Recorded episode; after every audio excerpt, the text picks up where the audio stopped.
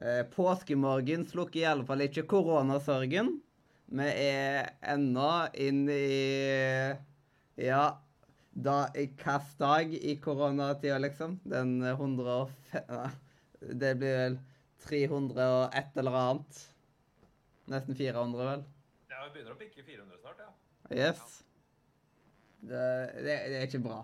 Men i alle fall så er ikke vi tatt av viruset ennå. Som vi vet om.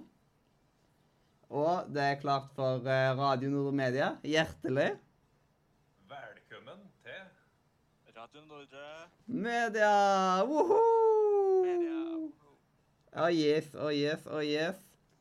Og vi er på sending 215.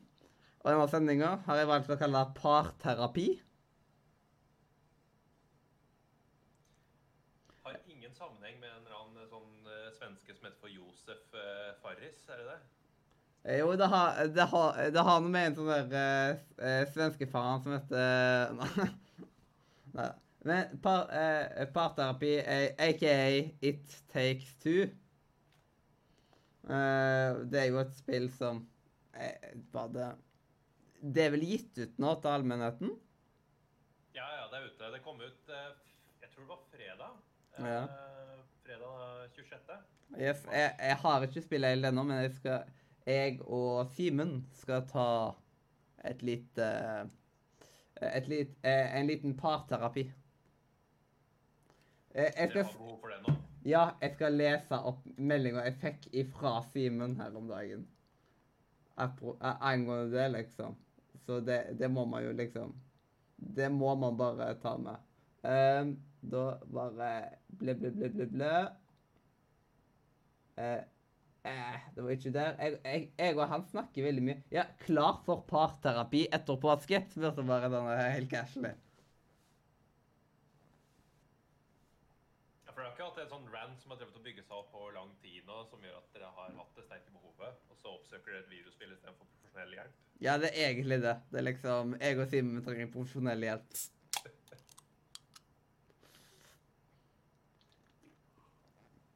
Men Nei, men Jeg har trua på det spillet. altså For Josef Fares har vist at han eh, duger både som filmregissør og, og spilldesigner. Yes. Og hvis du ennå er helt forvirra over hvem sine stemmer du tar og hører i denne her eh, podcasten Og hvis dette er den første podcasten du hører, kanskje, i ditt liv, da, da må vi jo fortelle deg det. Vi har jo meg, og så har vi dere to. Og dere to er da Long Tall One, Erik. Og så har vi Amandus Deluxe i kanalsmien nemlig over. Aka Amandus, aka Trampe. Ja. Hei, hei. Jau. Og dette er nok første gangen at jeg har sagt denne lange setninga uten at Amandus bare har sagt Hæ? Hæ? Jeg, jeg, jeg var blitt vant til det. Jeg var bare innsett at jeg hadde ikke skjønne det, så jeg bare har gitt opp til å spørre, spørre om igjen. Yes. Det, det er kanskje best. Det er kanskje best. Nå ser jeg det liksom Nå ser jeg at jeg har fått en eller annen varsel på Discord, men den kan jeg ikke sjekke nå. Eh, fordi det er for styrete, og jeg er for lat. Men vi kan jo starte med første spalte, som da er rett og slett Hva skjer? Og ja, folkens. Hva skjer?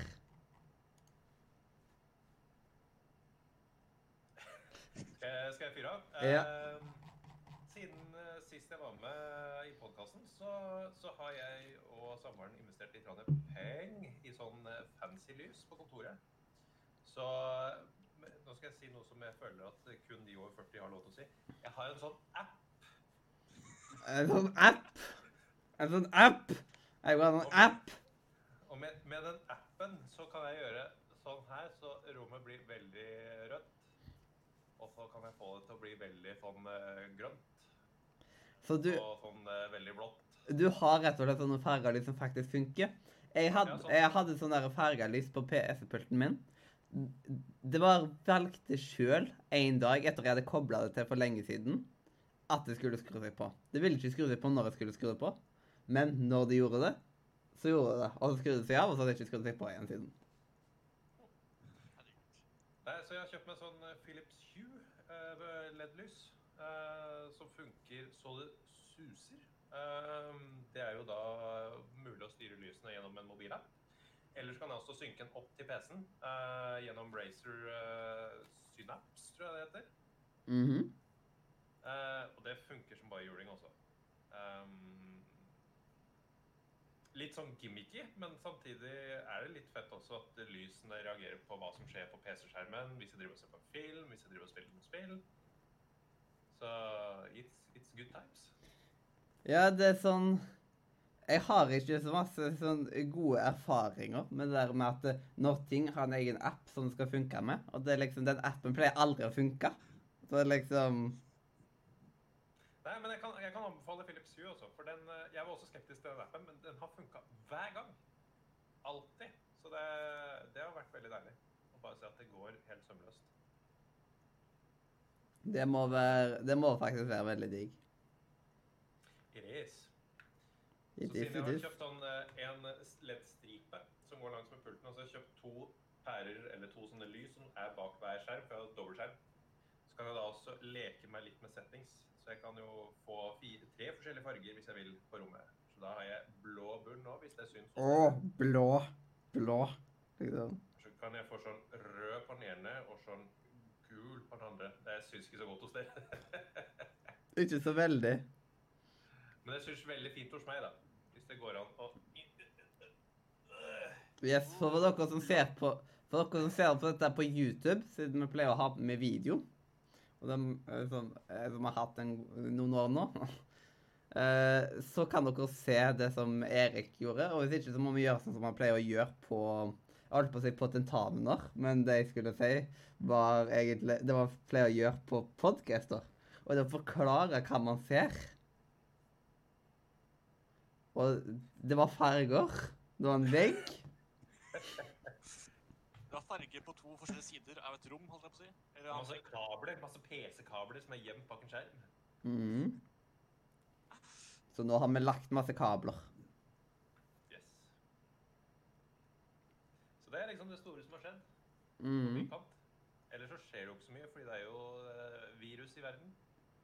Ja, dette er eh, lille viruset, ja. Dette er trojansk, den trojanske hesten, var det ikke det? Ja, det er i hvert fall ikke et datavirus. Mm.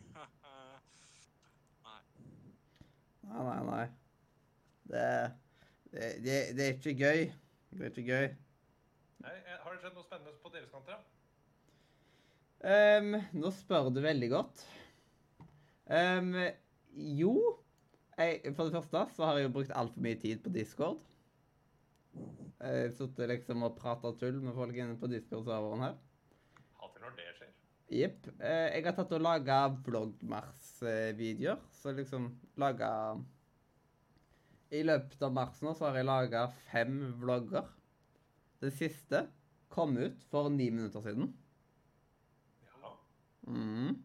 Hvor kan jeg finne disse vloggene? Disse vloggene kan du finne på YouTube-kanalen Spillkveld.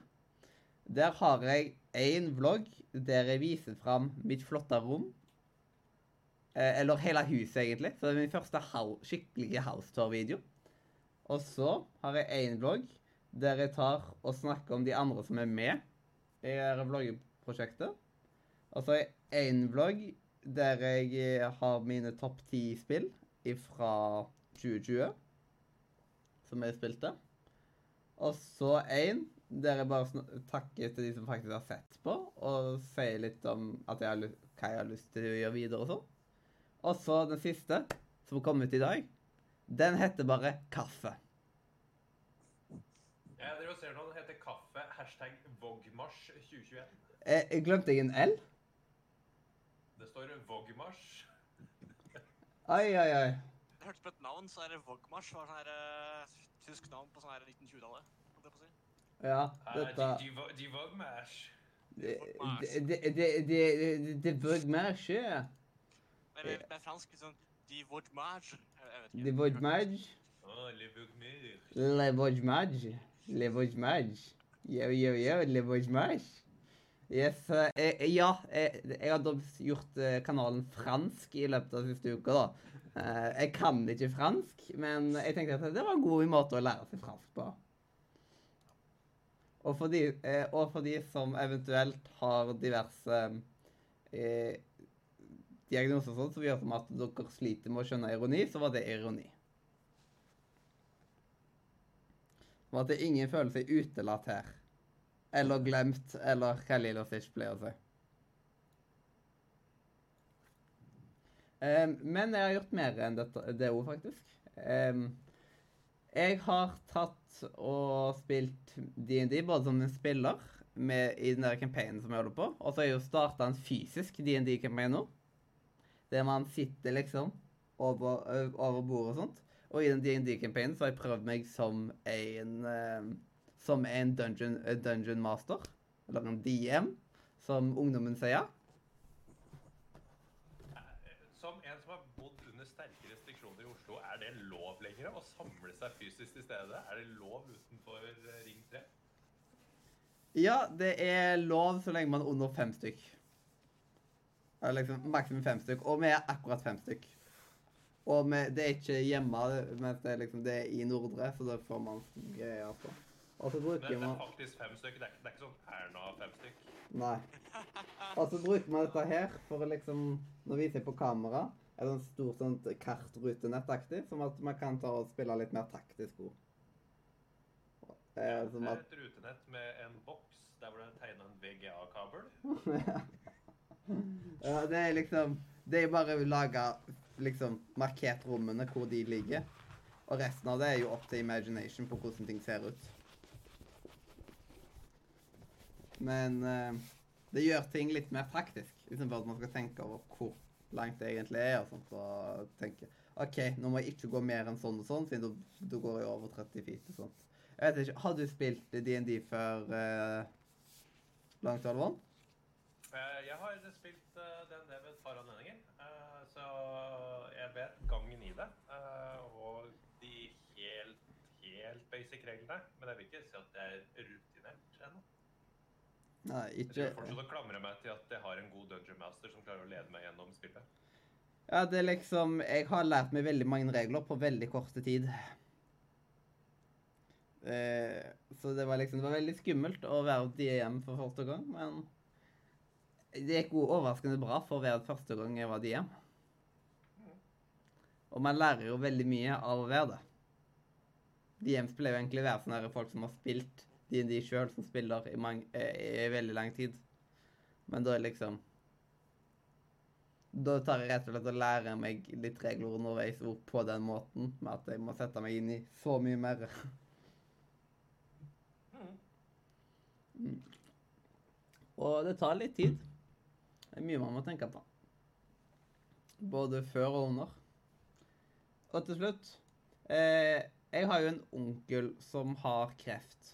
Han fikk kreft sånn i november i fjor eller noe sånt. Og i i går så fikk vi vite at eh, nå denne uka så skal han ta koronavaksina. Hei! Så det blir jo spennende å se hvordan det går. Heldigvis skal han ikke ha den der AstraZeneca-greia. skulle til å spørre om det med en gang.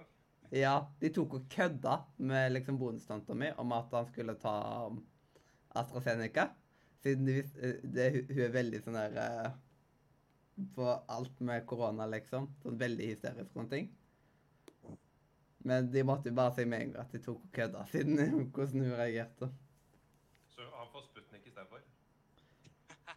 Jeg, jeg tror det er den der Pfizer-greia. Ja, det er, det er den som er the shit. Yes. Så det blir spennende å se hvordan det kommer til å gå. Håper at eh, det går veien. Yes, så da ble han den første i min slekt som tok vaksiner. Hei! Mhm. Holdt på å si han tok jomfrudommen til vaksiner, men det ble litt rart å si. Ja, ja, ja. ja. Amandus, hva har du gjort, da? Ja, um, som dere sikkert ser, uh, eller um, de som har sett på podkasten eller hørt på podkasten en del stund, uh, kjenner kanskje igjen bakgrunnen uh, jeg sitter i. Um, jeg sitter altså hjemme på påskeferie fra folkehøyskole. Egentlig ganske rolig, ingenting som skjer. Jeg er helt alene fordi at mine foreldre er oppe koser seg, mens jeg er hjemme og bare chiller'n. Og kose deg der. Koser meg der og snakker på Discord og snapper folk og eh, alt mulig rart. Um, så eh, det er egentlig ikke så mye mer enn det. Uh, jeg besøkte for, for så vidt min, eh, mine besteforeldre ehm, for noen år siden. De fikk første dose av uh, av vaksinen, eh, av koronavaksinen ehm, forrige uke. Eh, så de er nå snart halvvaksinert, de er halvvaksinert og får da den andre dosen snart. ehm, som jeg tror begge to veldig til. da. De har ikke hatt noen reaksjoner og sånne ting, så det er ganske godt. Ja. Uh, ja. Uh, ellers er det ganske lite i mitt liv eh, som skjer. Politikk som vanlig. Alt mulig rart. Det, det, det skjer ting hele tiden. Men ja. Det, jeg, jeg, jeg, jeg tror jeg har brukt ganske mye tid på den spalten her nå, så jeg tror ikke jeg skal snakke så mye mer om hva som skjer i mitt liv. Du, er, du har brukt uh, kortest tid av oss på spalten. Det er brukte lengst tid. Det er liksom Noen ganger så klarer ikke jeg å holde kjeft i hva skjer. Andre ganger så sier jeg noen få ting. Så det er liksom det eh, Ja, hva skal man si? Ja. Yes. Eh, hjernen min ville ikke funka nå. Nå skrudde han bare seg helt av. Den gikk i, den gikk i lockdown. Yes. Det eh, Du vet når han går Når eh, den greia som skal gå og treffe de her eh, Den logoen som skal treffe kanten. Det er bare sånt Ja. det er inni hodet mitt nå. Bare venter på neste gang jeg skal treffe to hjørner. Mm. Altså, det er så satisfying å bare se sånne her, um, sånne her uh, lock streets som uh, har den der funksjonen med at de skal treffe hjørnene. Det er så satisfying å se når de faktisk treffer. Jau, jau. Det er Det er stort. Det er stort når du ser det. Det er liksom Ser du det, så lever du fem år ekstra, faktisk. Hver gang du ser det, så får du fem år, fem år ekstra å leve. Mm. Akkurat. Det er en god, god. Jau. Smil, du har gjort en god deal. Ja, nå er jeg ikke vi sponsa av uh, verken Smil eller uh, noe sånt. Eller de som har det slagordet. Det var vel på sin tid. Ja, det var vel kanskje det. Har de ikke det lenger? Nei. Nei, det er dårlig gjort at de ikke har det lenger, altså. Fytti grisen. Det var en, altså, det var en god catchphrase. Det, det, det, var det. Mm. Jeg savner å ha Sven Nordin som grillkongen. Jeg savner jeg, jeg savner det svenske, som bare Alt kan griljas. Det var en fin meme for tre år siden. det var, det var fint. Det var Rart at ikke Toro har noen gang tatt en sånn ratatouille-approach. Med at alle kan koke. Liksom, Det kunne jo vært slagordet deres, på grunn av at uh, det er liksom Toro er jo så latterlig enkelt. Eller Fjord, uh, Fjordland. Altså, Pixar kan jo bare kan kontakte Toro, så bare få en deal, fordi at det hadde vært episk. Det hadde faktisk vært helt episk. ja.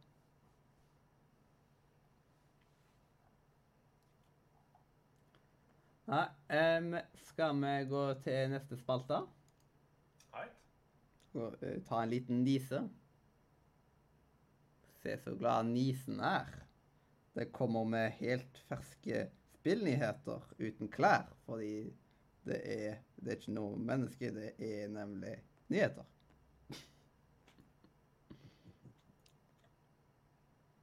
Hmm. Viktig, viktig. Og der var det på tide med ny informasjon innen spillelektronikk. Eller Nisse. Ja, da var det klart for spillnyheter. Og hjertelig velkommen til spillnyhetene. Og er det, er det noen som har noen spillnyheter opp, som de skriker etter å få ut? Eh, Eller forrige ukes store nyhet eh, var jo kanskje det at eh, Sony nå velger å legge ned storen til PlayStation 3 og PlayStation Vita. Ja, det stemmer det. Eh, og det, de fleste skal vel klare fint å leve uten å kunne kjøpe ting på PlayStation 3 og Vita nå, men samtidig så fører det også med seg noen komplikasjoner da, i forhold til at eh, det er jo nå en hel generasjon med spill som ikke er tilgjengelig lenger til kjøp. Hva gjør man da hvis man ønsker å ta et uh, gjensyn med gamle klassikere? Ja. Det, er liksom det som har vært den store diskusjonen den siste uka. Men hva, hva skal Sony gjøre nå? De kan ikke bare legge ned og så ikke gjøre noe mer. Hva vil skje?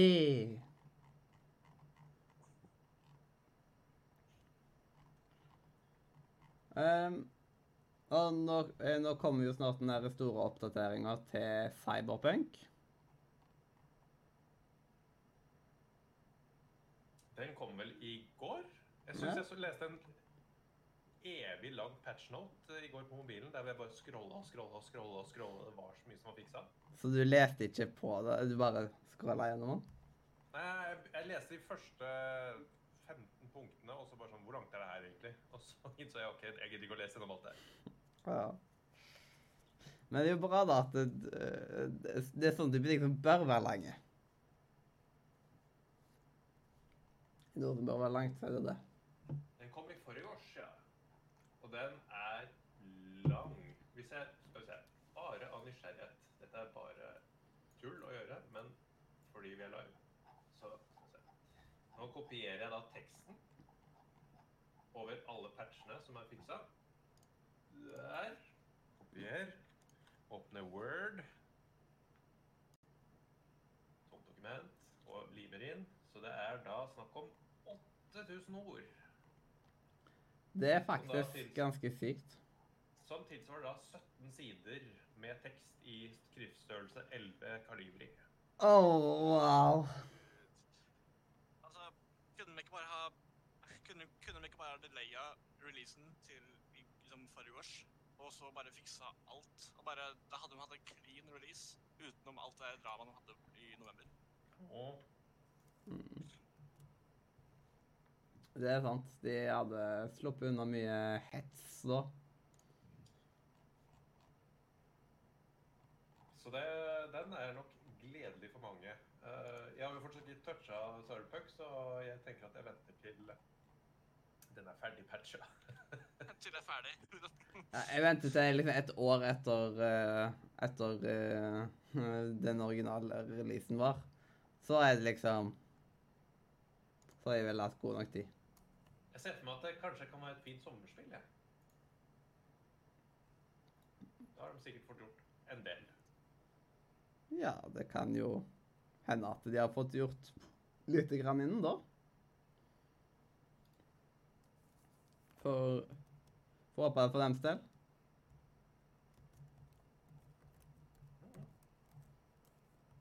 Jo, jeg har en sak. Um, alt- altså, eh, for alle um, hva skal romskipnerder der ute, eller sci-fi-nerder der ute, um, så kommer det snart en ny DLC til Elite Dangerous. Uh, altså da uh, romskipsimulasjonen i verdensrommet. Um, uh, som eh, får mye mer, mye mer, mer, mye mer gameplay. Uh, Førsteperson skyting kommer det. Eh, du kan faktisk gå inn i romstasjoner og sånne ting. Um, si, uh, fiksa første på en måte um, Hva heter det? Sånn preview. Eh, man, eh, eller gameplay. Eh, man kunne se første gang se ordentlig gameplay. Og jeg vil si at nyheten har kommet ganske positivt på fan, fanbasen. Mange gode, positive reaksjoner. Det blir jo på en måte Elite Gingers sin på en måte prøvelse til å bli det Star Citizen prøver å bli. Bare at Star kommer nesten aldri ut. Nesten. -hmm. uh, så det blir veldig spennende å se åssen da uh, Elite Dangerous Odyssey uh, gjør det eh, blant fansen. Og så Pikmin skulle vel lage et eller annet Pokémon Go-lignende spill, var det ikke det? Det var, det var Jo, det er greia. Mm Mhm.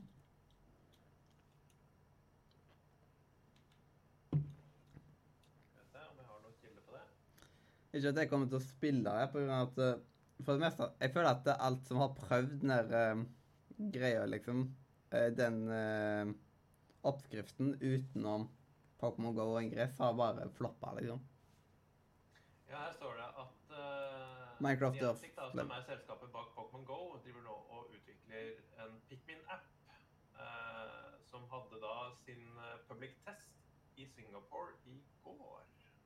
Oi. Der er det alt ting som skjer.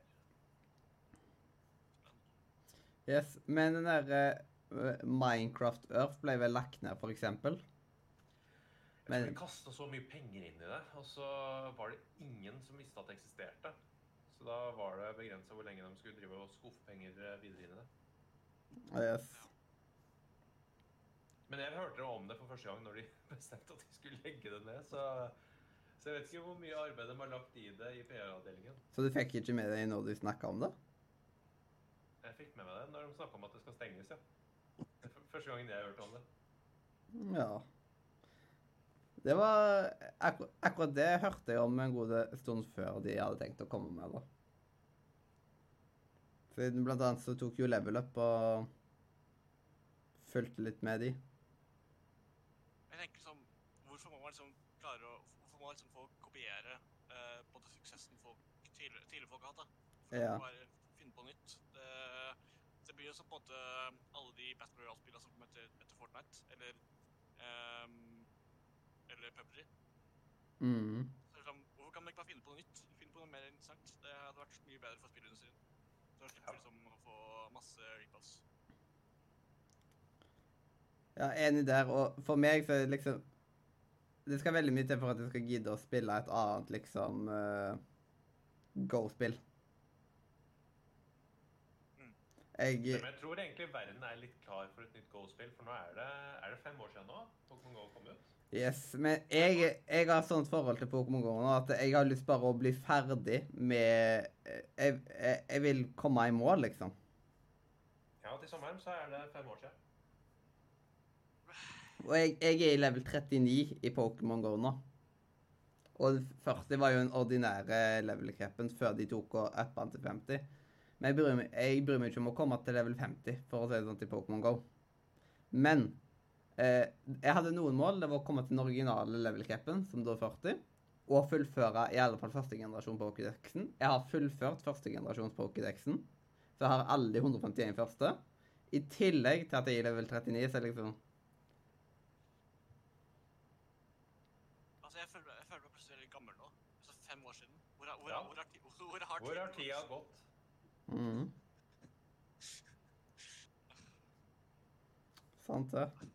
Nei, jeg begynner å bli gammel og, gammel og grå. Gammel og grå. Det som også har vært en spillnyhet som er eh, litt artig, fordi de må sikkert patche den ut like fort som de patcha den inn. Uh, Flight Simulator har da patcha inn skipet som blokkerer Suezkanalen. som er fantastisk morsomt. Uh, påfunn fra dem. Eh, som også er litt trist, da, fordi nå er jo det skipet i bevegelse igjen. Så det betyr at de må patche den snart ut igjen. Hadde jo vært morsomt hvis man hadde, hvis man hadde latt det stå der. Som en, liksom, um, som en, liksom en uh, bit av historien. Ja, Uansett altså, syns jeg det er artig at de tar seg tida til sånne ting. da. Altså, som dere sikkert vet, jeg har ikke så mye til overs for eh, 2020. Ehm, men eh, jeg, syns det er veldig morsomt at um, Asobo um, tar seg faktisk tid, som uh, du Erik sa, um, med, med å legge inn uh, ting som uh, internett er fascinert av. Jeg føler at det uansett en ting som er bra at de gjorde, var at de tok og gjorde at den nye flight simulatoren var jo mulig for folk som ikke var inne i simulatorer fra før av. Å bli eh, Og liksom falle litt for den type greier. Siden da starter forsiktig med at de liksom styrer med styrer med vanlige kontroller, og så Kanskje noen av de blir skikkelig fascinert og begynner å liksom dukke mer inn i simulatorer. Det kan godt det. Hvor, hvor morsomt hadde det ikke vært om f.eks. Eh, Microsoft da hadde patcha inn Knut eh, KNM Helge Ingstad-skipet fra Forsvaret som sang for tre år tilbake. altså, altså, Hvis de gjør sånne ting, så er det bare gøy. Det er, altså, jeg synes det er morsomt generelt liksom, hvis, når spillutviklere legger inn dagsaktuelle ting da, i, um, i spill. Det egentlig uansett hvilket spill det er. Um, så synes jeg det er morsomt at de tar opp morsomme ting. Og det, jeg, jeg, må egentlig bare, jeg må egentlig få lov til å kommentere litt selve bakgrunnen dette her med altså, et skip som blokkerer nesten 10% av verdens handel. Et skip i en kanal Nei, åh, jeg, jeg, jeg har ledd så mye i løpet av disse dagene før da skipet ble jo frigjort.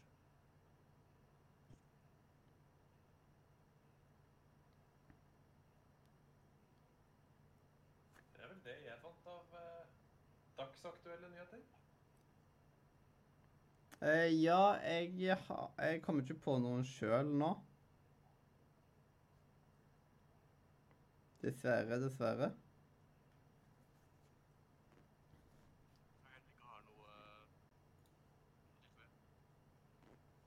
Nei, eh, da kan vi vel egentlig sette en sløyfe på Nise for i dag. Yeah. Ah, trenger ikke å dra den ut lenger enn man trenger.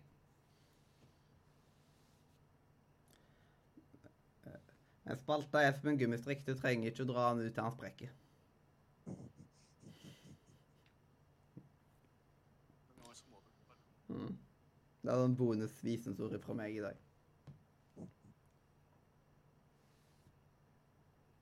Yes, og da går vi over til Eh, Da går vi over til Jeg husker aldri spalten i hodet. Det burde jeg kunne nå. Eh, Det er rett og slett ukens røm. rim.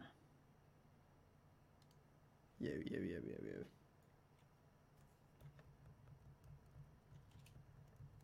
Så Nei, det er ikke den. Det, Ja, ja, jeg ser feil min. yes. Så den kan du bare fjerne fra lista hvis du har eh, det copy eller noe sånt. Ukens rym. Takk, takk, takk, takk, takk, takk. Flott, uh, flott bidrag av deg der, Jon Edvard. Og da stikker han med en gang. Det er typisk. Men i dag skal vi rett og slett rømme Freia påskeegg. Og da kan jo jeg starte med å rømme Freia påskeegg. Jeg er veldig glad i disse påskeeggene. Det er dumt at de koster en del, for de er skikkelig, skikkelig gode. Um, men uh, nå i det siste så har det jo skjedd noe som irriterer meg litt. Og det er at de tok og fjerna de der skeiene i påskeeggene.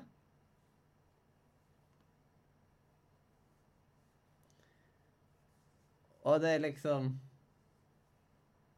de sier, Jeg vil tippe at de sier for å spare miljøet, eller noe sånt, men det er jo bare for at de vil spare penger. Garantert. Jeg syns at det, det er så dårlig gjort, av at jeg spiser alltid sånne med skje. Og det er ikke alltid at man har med seg skje rundt omkring heller.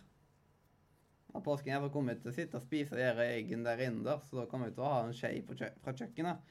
Men uansett så er det liksom kjipt at det, det At det ble sånn. Så jeg vil ha skjeer eh, tilbake. Eh, men eh, Freia påskeegg Freia påskeegg med skje er en tier. Freia påskeegg uten skje er en nier.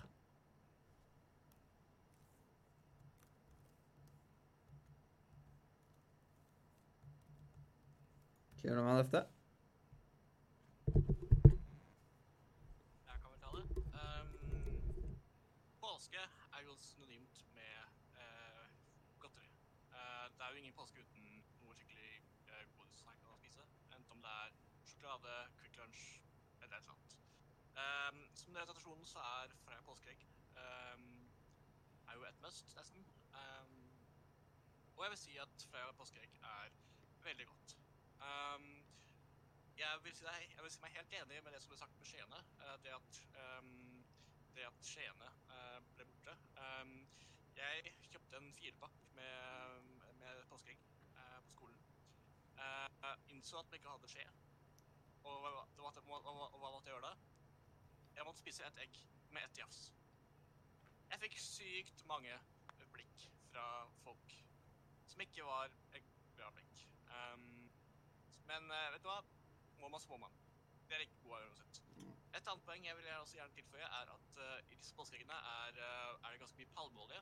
Og som man sikkert vet, så er palmeolje ganske uetisk. Det er både usunt for miljøet, um, pga. at det blir jo flydd fra Brasil annet, um, og pga. at eh, man bruker oljen fra regnskog, som også kommer fra Brasil. Um, som ikke er bra, verken for miljøet eller utbefolkningen som bor i området. Um, så pga. det så må jeg dessverre trekke litt ned. Eh, Jeg gir altså da fra påskeegg en sju av ti. Jeg vil komme med en liten kommentar på dette her med eh, palmeolje og sånt. Rett og slett at uh, siden Rema de kom jo med en annen variant som var uten palmeolje. Men den smakte ikke noe godt i det hele tatt. De bytta det ut med sånn kokosaktig type greier. og Det liksom, det falt ikke i smak i det hele tatt. Klarer de ikke å finne noe sånn substitutt til det der som får det til å smake godt? Er det liksom så vanskelig? Hallo? Det er liksom, De har laga sjokolade siden Laga sjokolade siden tidenes morgen, så klarer de ikke det. Det er liksom Skuffende. Yes. Da kan vi ta over stafettpinnen og eh, komme med mine betraktninger rundt at eh, jeg lever i en verden der ja, folk har en stor eh, nasjonalkjærlighet for eh, påskeeggene til Freia, hvor eh, det er ingen påske uten, og samtidig så har man også da disse høygaflene fra diverse bloggere og debattanter om palmeolje og mangel på skjeer og sånt noe. Mens man egentlig da lever i en verden der hvor man ikke har smakt påskeeggene. Har aldri smakt. Så, så, så jeg, lever, jeg lever i en eh, ja, i et parallelt univers. Det, Så, så hvis jeg skal gi det et terningkast, så triller jeg terningen, og der ramla den ut av døde bordet og ned på katta, og katta tok den i kjeften og sprang ut av vinduet, så da vet jeg ikke hva det Det er ikke noe omkast. yes, bare finne fram D&D-terninger. Det er jo liksom eh, Vet du hva? Så Man kan jo bare trille en D10, vet du. Det er det verste. At eh, Da får man fra 1 til 10. Så jeg kaster, jeg kaster en terning uten eh, Det er liksom Skal vi se om jeg finner den her veldig fort. Ja, Kan ikke du kaste en terning nå, og så får vi finne ut av hva jeg syns om det? Ja, her Her så har vi en D10-terning fra D&D. Yes? Da tar jeg og triller den. Og det For, for lyttere som ikke ser på, så er det jeg som kaster den nå, da. Yes. Og den landa på en åtter. Ja. Og den åtteren reflekterer da min store nasjonalkjærlighet overfor disse sjokoladene som nå mangler en skei med litt for mye palmeolje i seg. Yes. Og det tatt at en D6 på gulvet. Sånn. Hvis du bikker den åtteren 90 grader, så viser det da min uendelige kjærlighet for disse eh, sjokoladene. Yes. Mm. Men jeg tror du kan tenke deg hva det smaker, da. Uansett. Sjokolade. Mm. Med sånn fyllvinner, sånn her hvitt fyll. Ja. Yes. Mm. Det var bra, det var bra jeg kasta en åtter og ikke en toer. Mm. Men gjennomsnittet kom faktisk på åtter, da. Så det er liksom Ja. Det var der man havna. Eh, men skulle, skulle man tatt og rømme dette noen gang, så var det denne sendinga her. Man kunne ikke rømme neste sending. Eh. Jeg har ikke hatt påskeegg eh, ennå i år. Jeg håper på å få det i påskeegget. Det er liksom Det eneste håp, på grunn av at de er eggene egentlig altfor dyre til å kjøpe sjøl. Og da blir det sånn. Men, men det, er en, eh, det er en pris verdt å betale, synes jeg. Ja, det er liksom Men eh, når jeg, man har så mange andre dyre ting å bruke penger på, så eh, Host, host, host, energidrikk. Bare, Ost, host, Philips 20 lyspærer. mm, host, host, host. Jeg tror ikke de smaker så godt, da. Og jeg har aldri prøvd å slutte på dem, men uh, jeg kan se for meg at det er litt spark i dem. altså. Mm. Hva er vel bedre enn å knaske på litt lyspærer? Han blir iallfall god i magen allerede. Det kan være i hvert fall. Mm. Yes! Så det får vi rømme en annen gang. Knaske på lyspærer. Neste post på programmet. Neste post på programmet er jo da Spillmuren. We need to build a wall. Og da er det på tide med å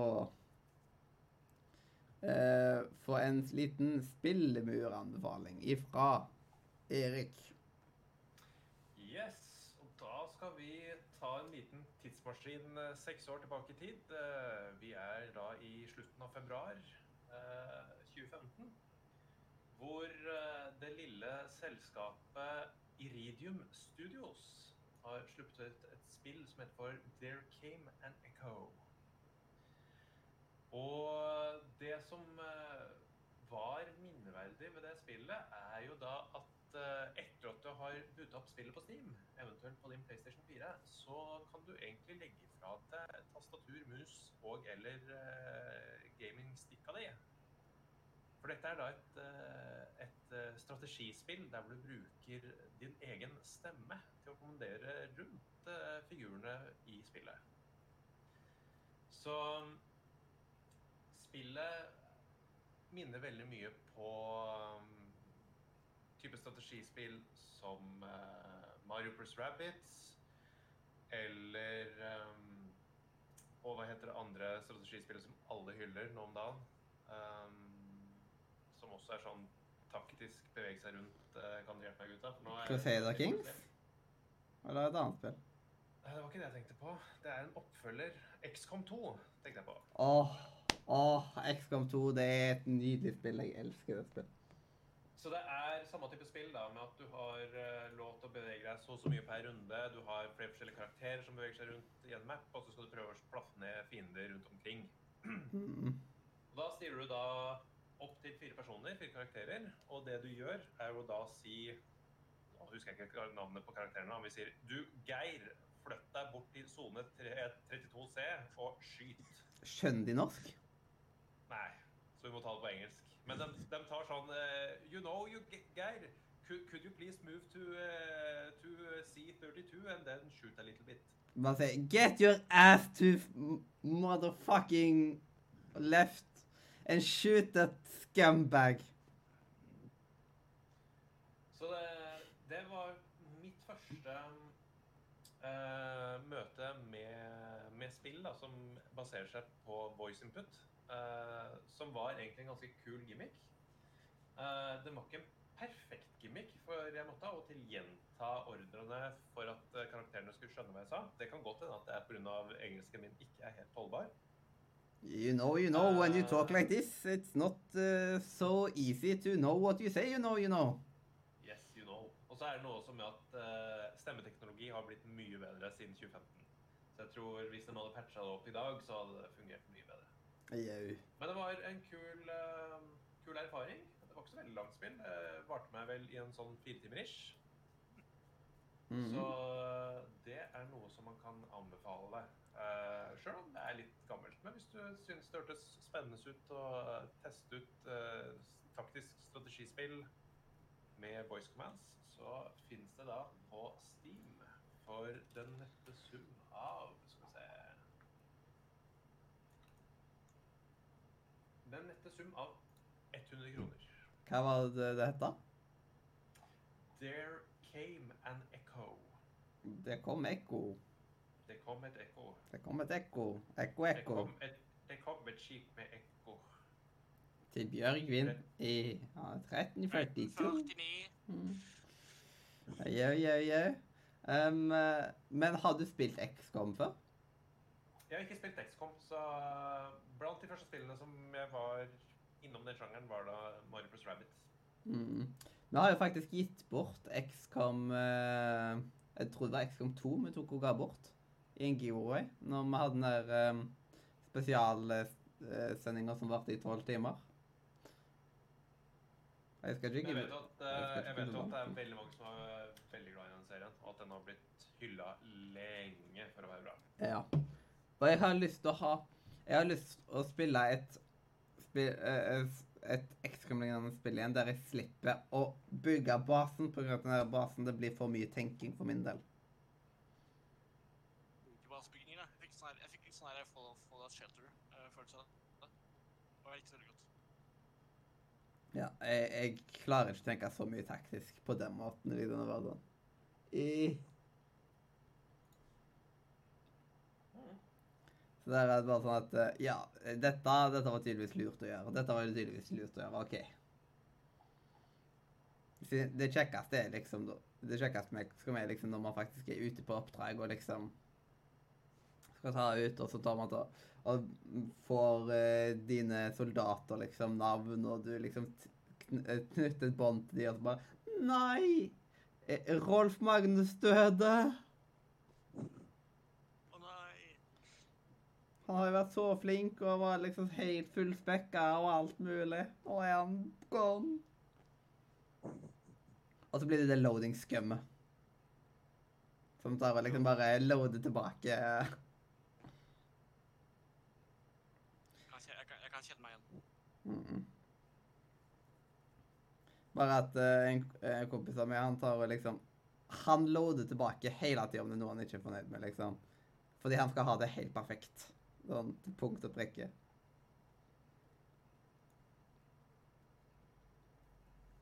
Men en, eh, en fin anbefaling der.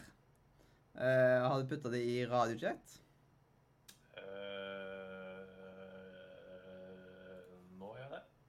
Nice.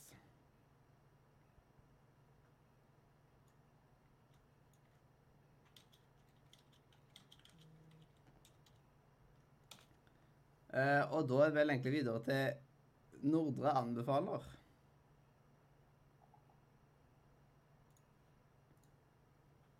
Så Da er det sånn mini-jingle-aktig greie.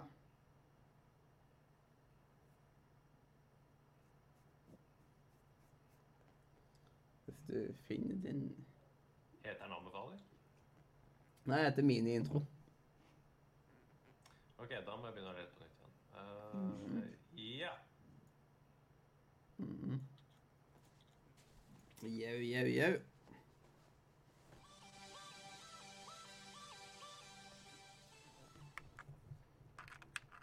Sånn, vet du. Mm. Eh, er det noe som eh, klør inne etter å komme om den første anbefalinga?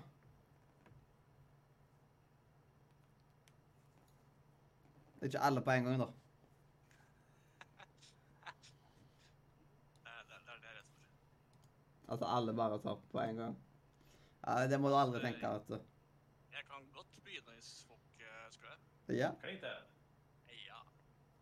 Ehm, mange kjenner meg kanskje som uh, litt av en eh, boomer noen ganger uh, når det gjelder eh, musikk og eh, sånne ting. Um, jeg har faktisk lyst til å anbefale ny musikk, faktisk, for en gangs skyld. Uh, men fra en gammel artist. Gam, ehm, gammel artist. Um, I forrige uke, eller for to uker siden, jeg tror det er for to uker siden, så lanserte Paul McCartney, uh, et eksmedlem av The Beatles, uh, som jeg tror alle har hørt om, ehm, lanserte sitt, et nytt album som heter ehm, som heter uh, så mye som eh, Paul McCartney 3, eller McCartney 3, et eller annet. Um, der er det en sang som heter uh, A Kiss of Venus, som har blitt covra uh, av en som heter uh, så mye som Jeg skal finne det her, jeg bare vent. Um, Spotify som er tregt. Um, som heter Dominic eh, Ja. som har samarbeidet med, med Paul McCartney. som har skrevet, eller vært med å skrive sangen The Kiss of Venus. Um, en veldig sånn uh, uplifting sang. Uh, jeg liker den veldig godt. Uh, den har sånn, det typiske Paul McCartney, nye Paul McCartney eh, på en måte sound inni det. Men samtidig veldig sånn catchy, catchy sang og litt sånn blitt litt moderne elementer.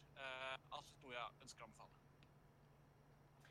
Som en erke-Beatles-fan så har jeg også hørt den låta, og det som er artig med den låta, er at det, det er veldig moderne. Det er fryktelig moderne. Eh, Det er ikke klassisk McCartney i det hele tatt.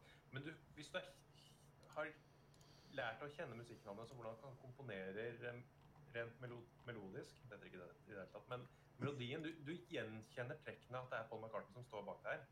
Ja. Sjøl om det er en ny, ung og hipp eh, fyr som synger bak mikrofonen. Ja. Nei, så det, det kom vært litt som en eh, sjokk, for at jeg er egentlig ikke så glad i moderne musikk. Men det, um, den tok meg på senga. sånn. Anbefaler også å sjekke ut musikkvideoen, for der er det en liten treat på slutten. Åh. ja.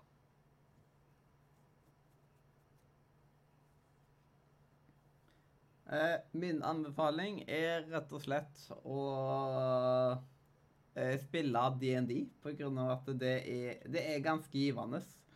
Og jeg, jeg føler at man bygger mye opp Man trener mye opp kreativiteten og sånt. Både liksom i form av rollespill og verden, liksom Worldbuilding og masse sånt. Så anbefales sterkt. Mm -hmm. uh, og jeg kommer også med en liten musikkanbefaling. Eh, dette er et album som kom ut Eller et band som kom ut med et EP i 2017, uh, men som kom ut med et album i fjor som ikke har tatt meg tid til å lytte til. Det tror jeg skal søren meg gjøre i kveld. Uh, det bandet heter da Kings of the Valley, og det er faktisk det bandet jeg har på meg en T-skjorte akkurat nå. Og um, det bandet har en sånn uh, psykadelisk retro callback uh, i seg, som er kjempekul. Ehm, og de skulle jo drevet og herja rundt omkring i Norges land og rike eh, det siste året, men så kom jo dette velkjente Så, så dem er satt litt på pause. De Mhm. har noen nattlige innslag på sosiale medier hvis man har lyst til å følge dem der. Eh, Der hvor de bl.a. Uh, fikk besøk av Bent Høie, som kansellerte dem for 18. gang eh, fordi han skulle på påskehytta si. Så, så kan anbefale å sjekke ut det på sosiale medier. Men ikke minst sjekk ut musikken deres, for det er kjempekult. Eh, jeg har ikke hørt albumet deres, jeg kan ikke si at det er dritfett en, ennå. Men EP-en fra 2017 er fet. Så sjekk den ut.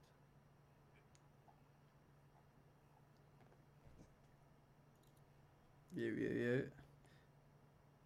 Så det var egentlig alle anbefalingene, og da kan vi vel egentlig bare ta og sette oss eh, rolig tilbake og høre på Trampe ta og rente litt for oss. Ja. Jeg har jo fått æren av å presentere min rant. Um, jeg har ikke valgt å Eller jeg velger ikke å si hva ranten heter uh, før på slutten. Um, så jeg kan egentlig bare begynne. Trekk dere tilbake, kos dere, og bare hør min rant. OK. Indiana Jones and the Last Crusader. Harry Potter and the, and the Prisoner of Azkaban. Og James Bond Goldfinger. Bare husk disse filmtitlene til senere. Hvorfor er det sånn at blå er en typisk guttefarge, og rosa er en, er en typisk jentefarge? Hvorfor er skjorte og slips typisk herreantrekk, og kjole og skjørt er typisk dameantrekk? Eller kanskje det verste av alle, hvorfor er Call of Duty et typisk guttespill, og The Sims er et typisk jentespill? En ting som har irritert meg de siste månedene, så er det kjønnsnormer og kjønn. Og spesielt min egen kjønnsidentitet. Kjønn er noe som er menneskeskapt. Helt ifra vi får vite hva vi har mellom beina, så har vi allerede blitt satt i båser. Vi blir assosiert med farger. Vi, blir, vi får leker eh, som blir tilpassa det, det kjønnet som er stemplet på dåpsattesten. Um, og man blir behandla ulikt om man er gutt eller jente fra en veldig tidlig alder. Kjønn er noe som er flytende. Det er en skala mellom maskulint og feminint. I dagens samfunn opererer vi kun med to kjønn, mann og dame. Men det er en kjønnskategori som blir ignorert. Er de ikke-binære kjønnskategoriene. De kjønnene som verken er maskuline eller feminine, eller fra begge, eller som faller mellom dem. Det kjønnet som ikke har noen forventninger på hvordan man skal oppføre seg, kle seg, eller hva slags farge man liker best. Likevel er samfunnet ikke tilpasset for alle. Det finnes veldig få kjønnsnøytrale toaletter i offentlige bygninger. Det finnes veldig få kjønnsnøytrale klesbutikker i hele verden. Og eh, det er veldig få land som anerkjenner eh, det tredje kjønnet. Og senest i februar stemte Stortinget mot en tredje kjønnskategori. Hverdagen vår er altså veldig problematisk. Eh, det blir for første, vi blir for det første feilkjønnet hele tiden. Svømmehaller og treningssentre, blir en utfordring med tanke på garderober. Og ja, selv spørreinstrukter blir vi generert. eh, som er et problem når det gjelder forskning og sånne ting. Alt dette her tar jeg og tar opp i dag, for i dag er det trans... um, tra, altså den internasjonale uh, Trans Visibility Day, uh, som uh, markerer hvordan transpersoner har det i verden. Det, det også inkluderer også ikke-binære. Så hva har altså da Indiana Jones, The Last Crusader, Harry Potter, The Prisoner, The Prisoner of Azkaban og Goldfinger med dette å gjøre? Jo, for to kjønn, hva er det? Alle gode ting er tre. Takk for meg.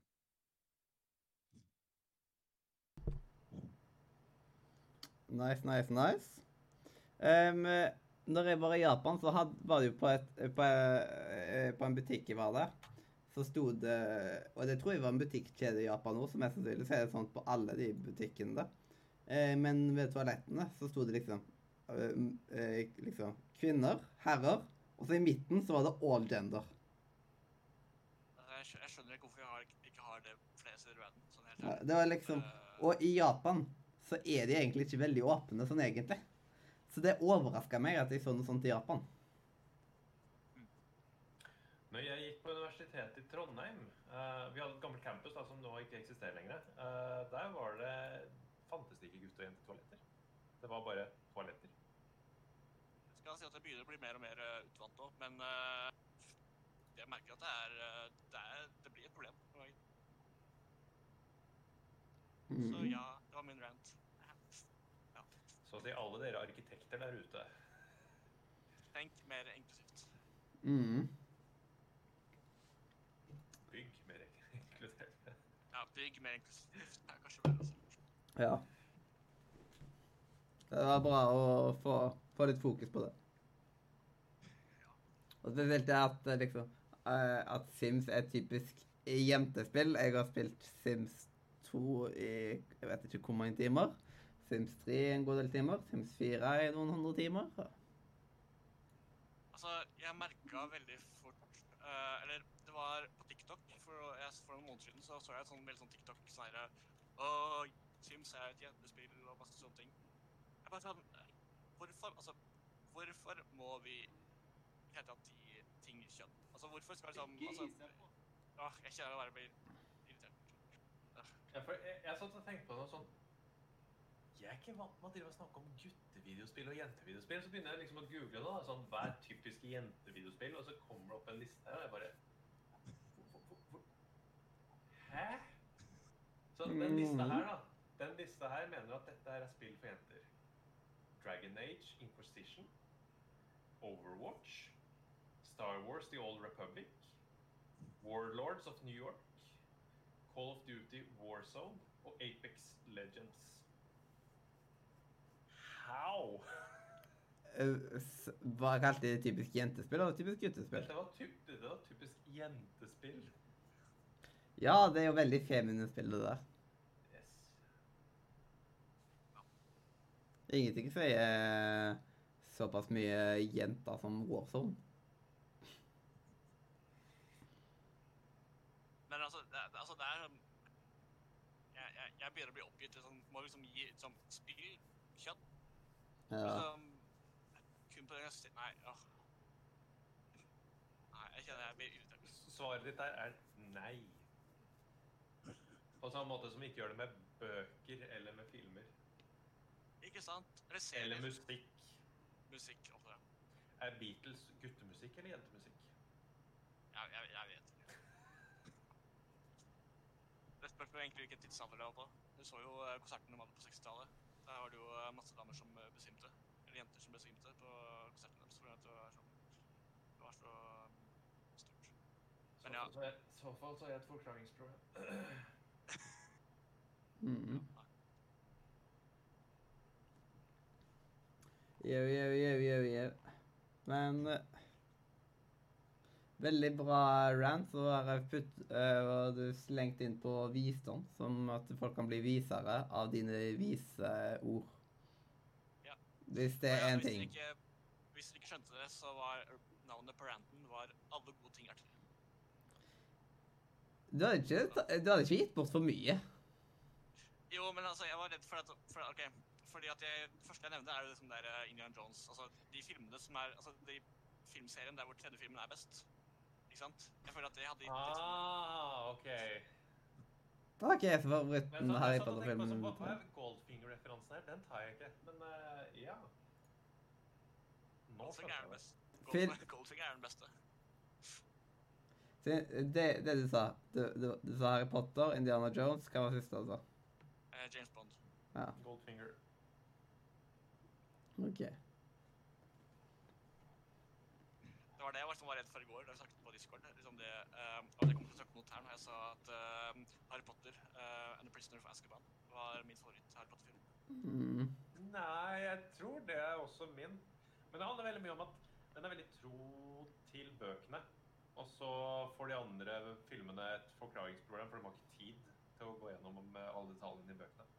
Ja, det er sant at uh, Men sjøl om så er det veldig mye man ikke får i filmen som man får i bøk på Trino, som er sånn at eh, alt det du ikke eh, Alle de detaljene du ikke vet hvis du ikke har gått gjennom bøkene. Men altså, ting er at jeg liker veldig godt uh, Mysteriekammer veldig godt, for den er, den er koselig. Det er, sånn, det er en veldig koselig film. Men sånn rent filmmessig så syns jeg egentlig at uh, The Prisoner of uh, Azkaban Ja, det, det er det mest cinematiske. Det, det er ikke spørsmål, det. det Men av en grunn så var han bare liksom, ja. Av en eller annen grunn så var eh, han der eh, Alfonso Corone Eller hvordan man uttaler navnet hans. Han eh, var kun uh, regissør på Harry Potter 3. Det er litt trist. Det, man ser så stor forskjell mellom 3 og 4 på cinematografien. Altså, som 1 og toeren også. Det er, det er helt forskjellig verdener. Ja. Men liksom, eneren og toeren er helt eh, annerledes enn alle de andre, på en måte. Ja. Fra treen så har de på en måte mer fatt hvordan ting skal være, føler jeg. Jeg husker veldig godt uh, da jeg var yngre, så fikk jeg kun lov til å se på eneren og toeren, Harry Potter. Mm. Og så flere år etterpå så kunne jeg liksom se treeren, fireren og Jeg femeren. skjønner, men treeren var jo dritskummel. Men det var vel Desperantene primært. Men da igjen, Ja. jeg, syns, jeg husker jeg syns det var litt ekkelt med den slangen i toeren òg, så Mm. Nei, altså det ikke ta den setningen ut av Men liksom første gang man ser Desperantene Ingenting er eklere enn første gang man ser Desperantene. Det er liksom Det, det er rett og slett rett utover en skrekkfilm. Men altså, eneren også er- hadde ett skummelt element, syns jeg. To, kanskje. Jeg vet ikke. Jau, yo, yo. Mm. Mhm. Det ble en litt lang rant på det ordet, det skal, skal sies. Ja. Det var en fin lengde på det. Den er, skrevet med, med, Har du fått høre, koronaranten min nå? Det, det, det har jeg. Og jeg vil si det var, det var veldig bra. Takk, takk, takk. Jeg, eh, jeg er litt skuffa over hvordan performancen min ble, men utenom det, så. Ja.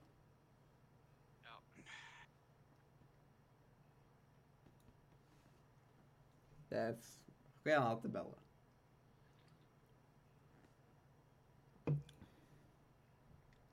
Men det er liksom Jeg eh, Jeg skriver så sykt mye feil når jeg tar og skriver.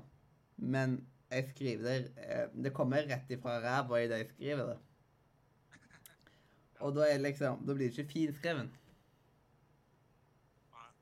Og når jeg tar og leser en stund etterpå, da legger jeg merke til at eh, Hva er det som står der? Bare sånn Og da leser jeg på feil linje. Bare Det er plagsomt. Plagsomt, plagsomt. Men nå er vi vel egentlig eh, ferdig med rantespalten. Yeah. Så da kan vi vel egentlig gå videre til en liten godbit.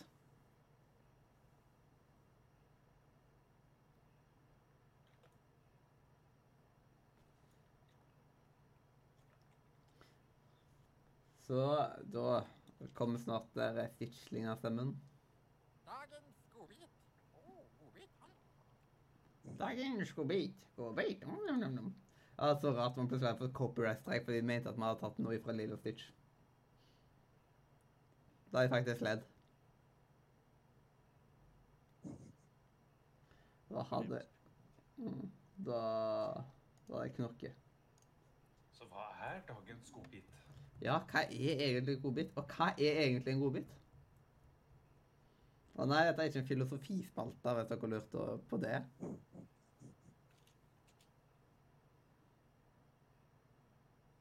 Men eh, det er da tullordboka. så vi skal forklare ord. Men man skal ikke forklare hva det egentlig er. Eh, og første ord er rett og slett bokhandler. Og en bokhandler, det er rett og slett en eh, Det er faktisk en form for eh, menneskehandel. Det, eh, dere vet sånn som i It Takes Two, så har man den levende boka. Og hvis, hvis han begynner med menneskehandling, og med at han tar og kjøper mennesker, så blir han rett og slett en bokhandler.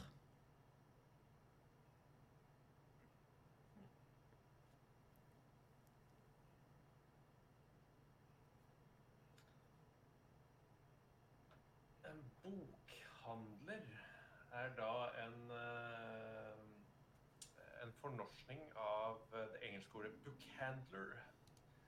Bookhandler er da en som uh, trener opp bøker, slik som man trener opp dyr. Animal handler. Animal handling. Det har jeg, det har jeg proficiency i DND.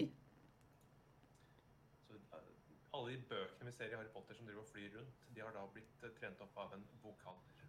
Oh. få meg litt inside information. Jeg vet ikke, ifølge min ordbok, eh, skal vi se her, ehm, så eh, er en bokhandler ehm, er ehm, Altså, det er en type hendel ehm, på liksom eh, Hendel på som handle er jo en ehm, spak type ting. som er laget av lær, eller andre ting som bøker er laget av. Som lær eller papir. Eller der man liksom kan lære om Der man kan bare jeg vet ikke. Uh, gjøre ting. Jeg vet ikke. Yes. Hendel ifølge Store norske leksikon betyr håndtak eller hev arm. Ok, ja. Eventuelt eh, det er eh, bandet Love Handle. Eh, neste ord er rett og slett konspirasjonsteori. Konspirasjonsteori. Og det er rett og slett eh, eh, Det er rett og slett en eh, slags eh, eh, Det er en teori akkurat som at man har eh, evolusjonsteorien og alt mulig sånt. Eh, konspirasjonsteorien er rett og slett eh, eh, Som handler om at vi er skapt av noe som heter en konspirasjon. Og en eh, konspirasjon, det er rett og slett en eh, Det er en form for uh, litt um, Ja, hva skal man si? Et litt seksuelt um, fronta menneskeaktig dyr.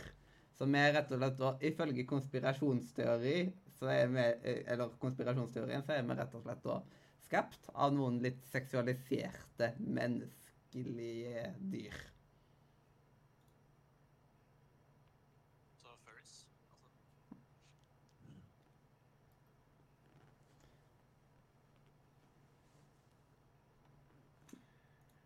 Eh, en konspirasjonsteori er da en religion med medlemmer som ofte har på seg tryllehatter laget av eh, aluminiumsfolie. Og eh, som også bærer skade av og Eller lider av fornektelse og er lettlurte.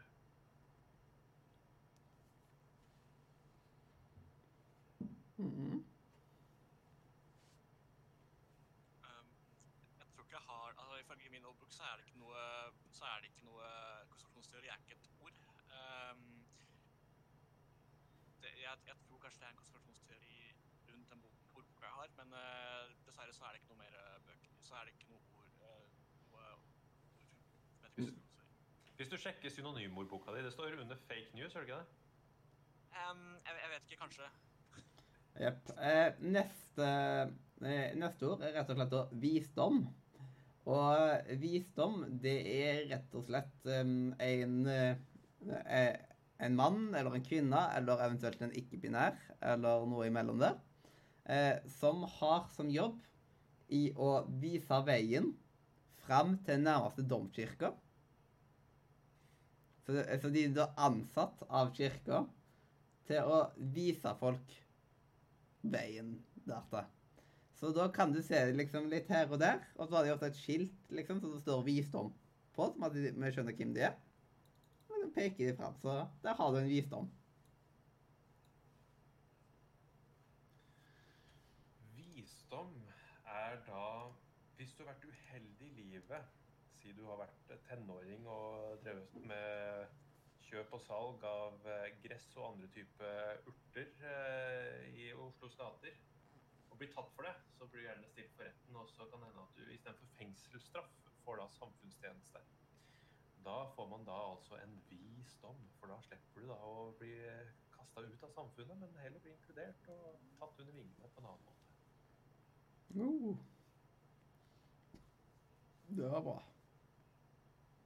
Um, etter man har vært i, i dommen, eh, etter å ha vært i retten, og dommen blir eh, avlagt, så er det én spesifikk person eh, som har jobb med å vise folk jobben. Eh, det heter da visdom, fordi at de skal vise da De, har den ene jobben med å bare lese opp dommen og bare si ha-ha, du er fengsla. Ha-ha. Shashayaway. Ja, ja, ja, ja. Og den siste Det siste ordet i dag er rett og slett da politikk. Og politikk, det er rett og slett da Det er rett og slett en eh, butikk der som eh, polyamorøse kan eh, Der de kan møtes og kjøpe hverandre, rett og slett. Så liksom Hvis du mangler noen å være polyamorøs med, så går du til politikken. Eh, liksom, eller en politikk som er i nærheten av deg. Og så tar du og kjøper deg et par eh, folk du kan være i et polyamorøst forhold med.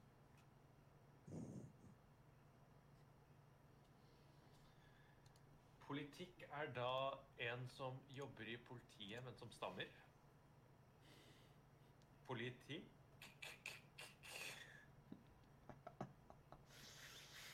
Oi, oi, oi. Åh, nei, jeg burde, ikke, jeg burde egentlig ikke le av det. Jeg har lagt lista lavt da. Det er, det, er- det, er- det er liksom politikk ukor- u- u- ukorrekt. nå.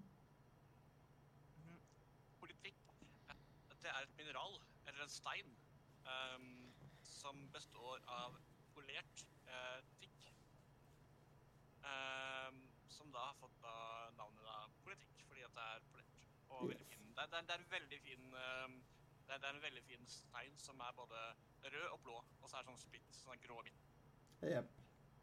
Eh, nå har vi faktisk hele 32 ord i den der eh, tulleordboka vår. ass. Oi, oi, oi. Det hadde vært så kult om bare hadde liksom tatt og liksom skrevet ned de beskrivelsene, men jeg, or jeg orker ikke å skrive beskrivelsen det. Hadde tatt vinterover, men til slutt bare så liksom gitt ut tulleordboka. Det var kult. Ja. Jeg, tror jeg, jeg har en ny en på politikk. Ja. Så, så, så de som er veldig liberale, de vil jo gjerne ha eh, pol i butikk. Men eh, det er for langt å si, så da har de eh, laga det fancy ordet politikk. Pol i butikk. Herregud. Eh, liberalistisk uttrykk For pol i butikk. for pol i Pol i butikk. Nå er det i ordboka det, det første som faktisk har blitt beskrevet ned. Eh, og da er det bare til å beskrive ehm, 31 ord til, så eh, høres ut som en egen sending, det. Yes, bare at det spesial at i dag så skal vi gå igjen til ordboka og bestemme oss for hva er den beste beskrivelsen av dette her. Yes. Sånn er det å jobbe i Norges Smålag når de skal lage ordbøkene. Ja, det, skulle, det er sånn de kom fram til det. De hadde en Radio Nordmedia-sending. Og, og da diskuterte de fram til hvilke ord de synes var best. Da liksom, Hva var best beskrivelse av dette? Skal liksom eh, Skal eh, Skal kondom være et prevensjonsmiddel, eller skal det være en form for en luftballong, liksom? Ja, eh, OK, vi har åtte stemmer på prevensjonsmiddel og sju på luftballong, så det ble prevensjonsmiddel da denne gangen. Kan det er å være sitte i språk, språkrå, språkrådet. Yes. Det, det er sant. Uh, på problematisk institutt. Dette er sånn man uh, diskuterer på problematisk institutt. Hmm. Og det står liksom på det står liksom på en du da. Med en pil som at det da går bare rundt og rundt og rundt. Men eh, da var vi rett og slett ferdig med dagens godbit. Eh, og da kan vi vel egentlig gå innom eh, dagens visdomsord.